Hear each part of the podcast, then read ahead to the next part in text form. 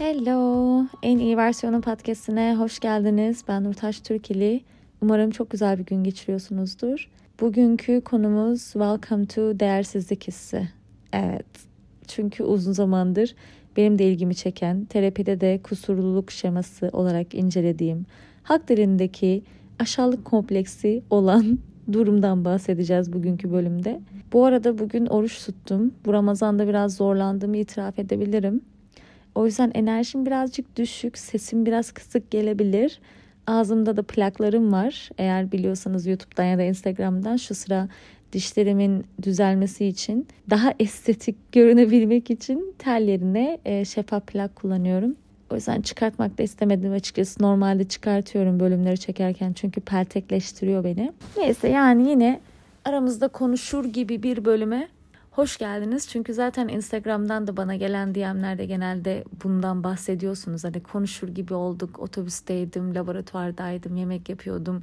Sanki arkadaşımla sohbet ediyormuşum gibi bir bölümdü diye bahsetmenizden inanılmaz zaten keyif alıyorum. O yüzden yine böyle dümdüz devam edeceğim konuya. Şimdi son zamanlarda özellikle kendimde fark ettiğim ve terapide de adı çok geçer bir konu onay alma ihtiyacım. Yani yaptığım şeylerde, günlük kararlarımda, genel uzun vadeli kararlarımda da neyi neden yaptığımı bulmayı, neyi neden yaptığımı anlamayı çok istiyorum. Bunları anlamak, görmek, uzaktan bakmak ve aynı zamanda da kendime adil olmak istiyorum. Çünkü son zamanlarda bir de bunun da pratiğini daha çok yapıyorum.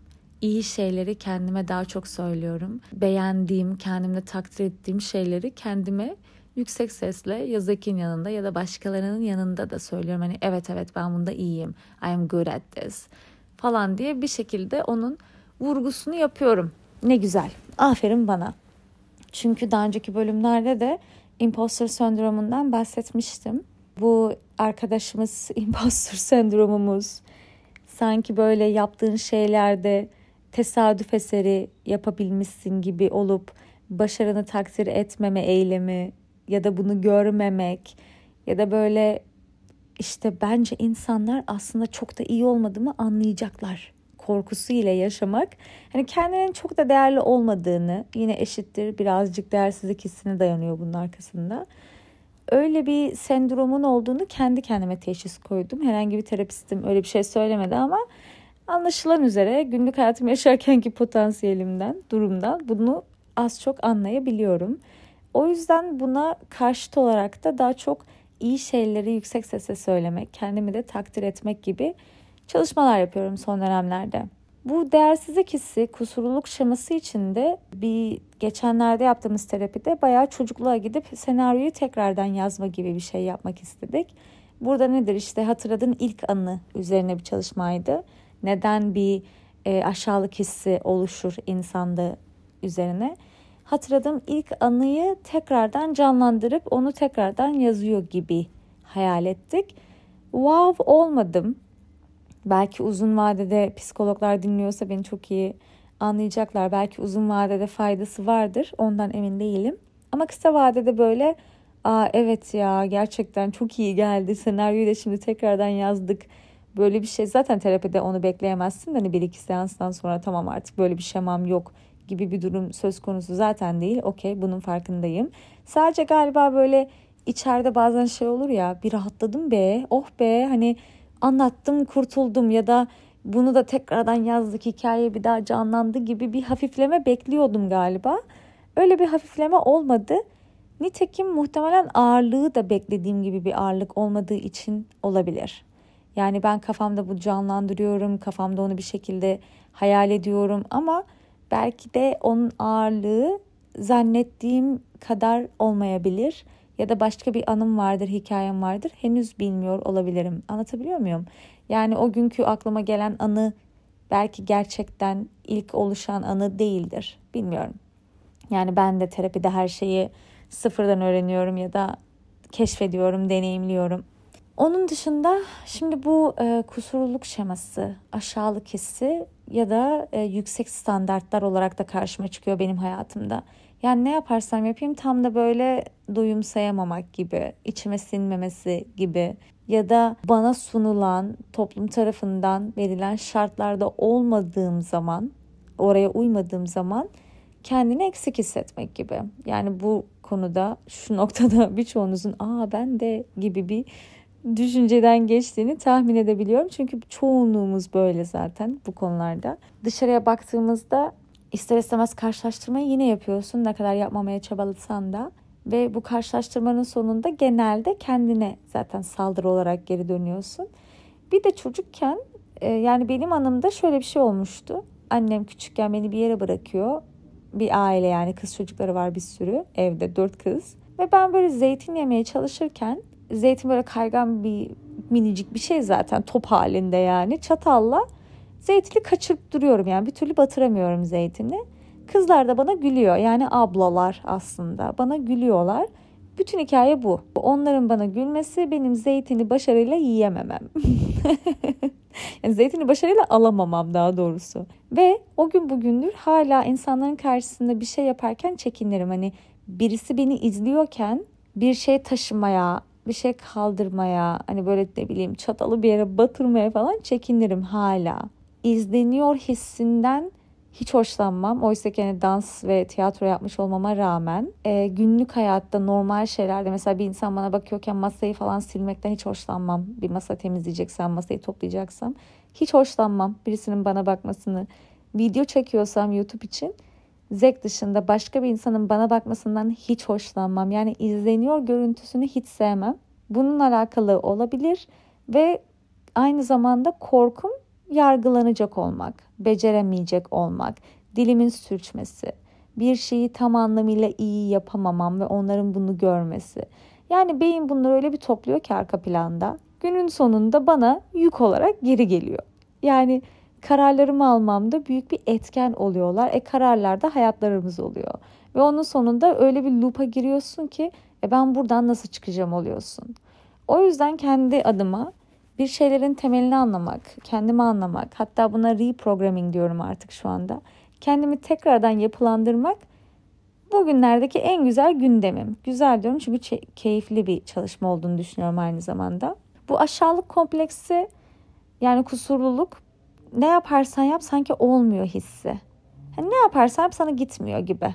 Ne yaparsan yap Aa, tam olmadı olmadı biraz daha olması lazım gibi. Yani bu standartlar nereden geliyor?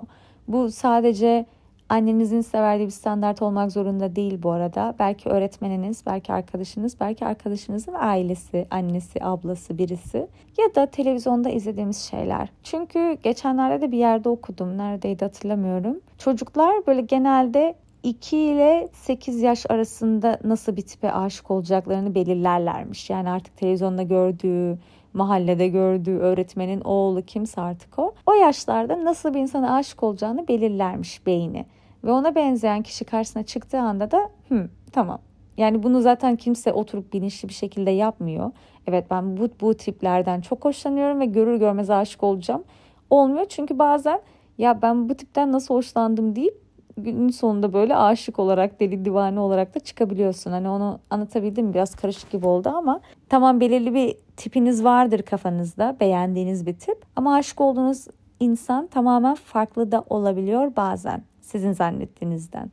Oysa ki belki de o aşık olduğunuz kişiyi 2 ile 8 yaş arasındaki dönemde aslında kurmuş olmuş oluyorsunuz. Belki filmde izlediğiniz bir insana çok benziyor. Ya bu aşk kavramı zaten acayip karışık bir şey. Oraya girmeyeceğim.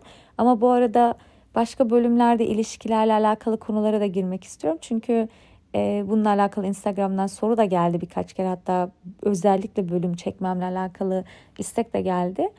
Onun için o konuyu ele alacağım çünkü açıkçası kendimin güzel ve düzgün bir ilişkim olduğunu düşünüyorum. Sağlıklı, saygılı, bayağı hoşgörülü, huzurlu bir ilişkide olduğumu düşünüyorum. Ara ara zaten bunu da kurcukluyorum. Hani, ya huzurlu da olmaması mı lazım acaba? Hani çok mu huzurlu olduk yani? Hani sağlıklı bir ilişki ne demek? Neden sağlıklı ilişki yaşıyorum ve sağlıklı ilişki yaşamayı öğrenmediğim için, kimse bana öğretmediği için filmlerde hep o mutlu sona kadar gideriz ve mutlu sondan sonrasını kimse görmediği için e, nihai hedefe ulaştıktan sonra ben de ne yapacağım bazen bilemiyorum. Ama bugünkü konuda ondan değil de daha sonraki konularda biraz hani daha sonraki bölümlerde ilişki konularına da gireceğim. Eğer sizin de merak ettiğiniz, istediğiniz bir bölüm varsa Instagram'dan yazıp sorabilirsiniz. Instagram diyorum inanın Zeke bile Instagram'dan bana mesaj atıyorum. Çünkü neden bilmiyorum. Sadece Instagram DM'lerini okumayı seviyorum. Text mesaj, bu Facebook Messenger, onları falan e-mail.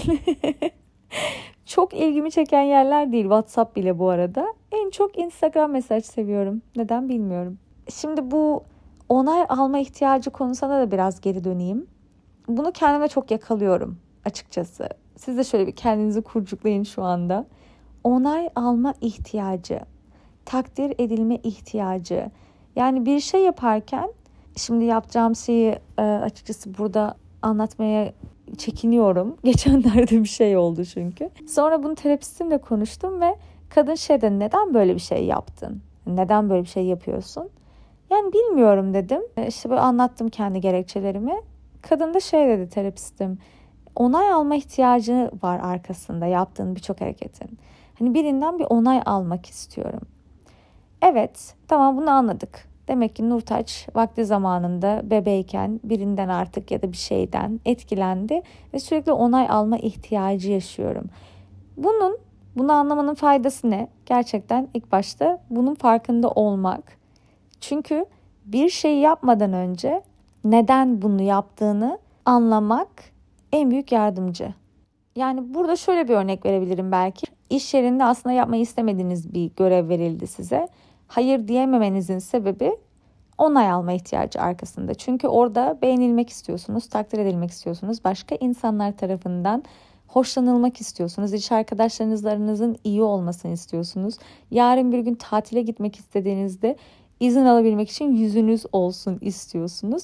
Yani bunlar böyle tık tık tık tık birikiyor ve bunun alt metninde sadece onay almak oluyor. Neden? Çünkü aslında haklarıma göre ben izin alma hakkına sahibim. Tatile gideceksem eğer orada belirli bir günüm var. Gereğinden fazlaysa ödemeli yapıyorsunuz zaten ücretli yapıyorsunuz. Hani haklarınız var orada. Arkadaşlarınız, iş arkadaşlarınız siz size üstünüze düşmeyen görevi yaptığınız için sizden hoşlanmaları durumu zaten absürt bir durum aslında. Çünkü öyle bir senaryo olamaz. Tamamen koşullu sevgiye, koşullu ilişkiye dayanıyor. Onda da maalesef uzun vadede hayırlı bir sonuç çıkmıyor. Çünkü e, ben sana bunu yaptım sen bana neden bunu yapmadın gibi bir senaryoyla karşı karşıya geliyorsunuz. Eminim hepimizin hayatında en az bir kere böyle bir senaryo yaşanmıştır. O yüzden iş hayatınızdaki haklarınızı bilip, kendi görevlerinizi bilip ve bunun dışına çıktığınızdaki sebebi anlayabilmek az önce bahsettiğim örnekteki gibi yani beni daha çok sevsinler, patron beni daha çok sevsin, işten kovulmayayım gibi şeyler arkasında onay biriktiriyor. Onay gerekçesi biriktiriyor. O yüzden bunu fark ettiğinizde şeyi sorgulayabiliyorsunuz. Hani ben bunu bu sebepten dolayı yapıyorum. Güzel. Bu birinci adım. Ben bunu yapmasam ne olur? Tarafında ekstra bir cesaret geliyor. Diyorsun ki mesela o noktada lan ben bunu bir kere de böyle deneyeyim. Hayır diyeyim bakalım yapmayayım. Bu arada bu hep kitaplar falan da var ya hayır deme sanatı. Açıkçası hiç de okumadım. Çünkü hep şey zannediyordum ya ben hayır diyebiliyorum. Çok rahat hayır diyebiliyorum. Hayır abi hiç öyle değil. Çünkü hayır diyebilmek ya da hayır diyememek acayip sinsi bir şey bence. Acayip sinsi. Yani böyle bugün sinemaya gitmek istiyor musun? Bakayım aslında istemiyorum. O zaman hayır demeliyim. Bu kadar basit bir olay değilmiş bence. Yani acayip sinsi. Fark etmeden birçok şeye alt metninde işte bu onaylanma ihtiyacı, sevilme ihtiyacından kaynaklı birçok insana gereğinden fazla bir şey vermem, kendimden de alacak olmasına rağmen orada bulunmam, orada onlara yardımcı olmam gibi durumlarda benim hayır diyememe sendromum olabiliyor. Eşittir onaylama ve sevgi ihtiyacı. Bunun kusurlulukla nasıl bir alakası var? Benim anlayışıma göre yine bir benzer durumda. Yani ben o kadar iyi olmalıyım ki sevilmeliyim. Her şeyim o kadar muhteşem olmalı ki insanlar beni onaylasınlar. Her zaman hani bizim ülkemizde biraz daha çok oluyor. Çünkü YouTube'da yaptığım için mesela burnumdan ameliyat olmam gerekliliği, dudaklarımı yaptırmam gerekliliği işte şudur budur. Aslında o kadar eleştiri almıyorum ama genel itibariyle şimdi şu kafa aslında çok rahat oluşabilir bende. Ya burnumu yaptırırsam eğer insanlar beni daha çok sevecek. Çünkü kusursuz görüneceğim. İnsanlar beni daha çok beğenecek. Beni daha çok beğenirlerse bana daha çok saygı duyacaklar. Daha çok saygı duyulursa ben daha çok popüler olacağım. Da da da da da da da da bu böyle devam ediyor. Yani birbirlerine o kadar bağlılar ki ve ben bu noktada bu hassasiyetimi yakaladığım anda şunu söyleyebilme cesaretine sahip oluyorum kendi kendime. Yapmıyorum lan. Bir de yapmadığım halini bir görelim. Yani buna kapılıp onay alma ihtiyacım ve kusurluluktan gelen ihtiyaca göre burun ameliyatımı da yaptırabilirim. Bu arada bu konu tamamen başka bir konu. Belki yine başka bölümde de bunu alırız ama burun ameliyatı olayı acayip bir konu yani bence. Çünkü şu anda peynir ekmek gibi bir şey oldu. Şu anda bayağı markete gidip peynir ekmek alıyormuşsunuz gibi burun ameliyatı yaptırılması çok doğallaştı. Yaptırmak isteyenlere tabii ki de hani bir sözüm yok. Bundan YouTube'da da çok bahsettim. Ama size bunu zorla dayatılması, ihtiyaç olarak hissettirilmesi ve siz bir de burnunuzu yaptırsanız bayağı bir güzel olacaksınız. Yani bir burnunu yaptırsan var ya şu olacak bu olacak gibi ithamlarla size gelindiğinde sizdeki oluşan o hissiyat ve verdiğiniz tepki ile bunu anladığınız anda hey hey hey dur bakalım yapmıyorum. Yapmadığımda ne olacak? Cesareti arkasında ona ihtiyacını hissetmeden verdiğiniz karar ile aldığınız feedback, aldığınız randuman çok daha farklı bir aşamada olabiliyor. Bakın ben 32 yaşına geliyorum. Anca bunları anlamaya başladım. Eğer yaşınız daha böyle 17-24 arasında bir kitleyse çünkü biliyorum benim kitlemin yoğunluğu o. Bir orada bunu ne zaman söylesem bana yaşı daha büyük olanlar kızıyor. Yoğunluktan kastım yüzdelik olarak söylüyorum. Yani baktığınızda rakamlara, datama %50'nin üstünde 17-24, %35 gibi rakamlar mesela üstünde kalıyor. Bu yaşın bu yaş diliminin üstünde kalıyor. Yani buradaki vurgum şu anda gençseniz, o yaş aralığındaysanız bu tarz bir tepkime de olabilirsiniz. Sadece şu anda bu podcast'la karşılaşmanızın en güzel sebeplerinden bir tanesi belki bugün size güzel bir etki etmeyecekse belki 3 yıl sonra güzel bir etki edecek ve diyeceksiniz ki yani ben bir tane kız dinlemiştim bundan yıllar önce. O da böyle bir şeyden bahsetmişti. Yani demek istediğim bunlar hemen oturmuyor kafada. Ben 32 yaşına geldim anca oturmaya başladı. Hala sorunlarım yok mu? Kusurluluk sorunlarım yok mu? Var. Çünkü bu insan doğasında var. Şimdi kendini hatta bir tane e, şey var çalışma var. Aynada kendine çıplak olarak bakmak ve beğendiğin yerleri söylemek kendine. Çünkü şimdi aynaya gelin çırılçıplak olun. Hemen göz beğenmediğiniz yerlere gider. İşte şuna bak ya çatlağım var. İşte göbeğime bak. Zaten alt göbeğimle benim de sorunum var. Hiçbir yere gitmiyor arkadaşımız. Üstten böyle tight'la falan karnım kaslarım var gibi görünüyor. Tight indir böyle alt göbek fırlar yani oradan. O hiçbir zaman gitmez sağ olsun arkadaşımız. Çünkü zaten güzel de bir egzersiz yapmadığım için o noktada. Neyse yani aynaya baktığınızda ilk göz onları görür. İşte bacaklarıma bak çarpık. Aa şuramda morluk oluşmuş. Yüzümde şurada sivilce var. Kulaklarım eşit değil. Gözüm eşit değil. Hemen da da da da da Beyin bunları görüyor çünkü maalesef ona otomatik olarak yöneliyoruz. Ama bir çalışma olarak işte kendinize beğendiğiniz yerlere. Mesela ben omuzlarımı çok beğenirim, göğüslerimi beğenirim, belimin kıvrımını beğenirim mesela. Yani kendinizde sizin de beğendiğiniz yerleri teker teker size söylemek. Çünkü bilinçaltı aptaldır. Her söylediğinizi duyar, anlar, kanar. Siz sürekli kendinize güzel olmadığınız yönde, kusurlu olduğunuz yönde eleştiri yaptığınızda beyin bunları anlıyor sadece. Ama aynı şekilde tam tersini uyguladığınızda beyin de bunu anlayacak mecburen. Çünkü neydi efendim?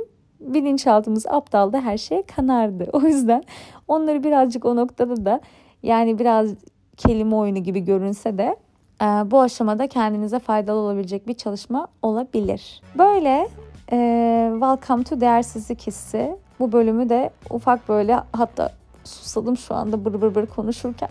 Ama hızlıca çekmek istedim. Umarım keyif aldınız, eğlendiğiniz bir bölüm olmuştur. Yeni bölümlerle görüşmek üzere. Hoşçakalın.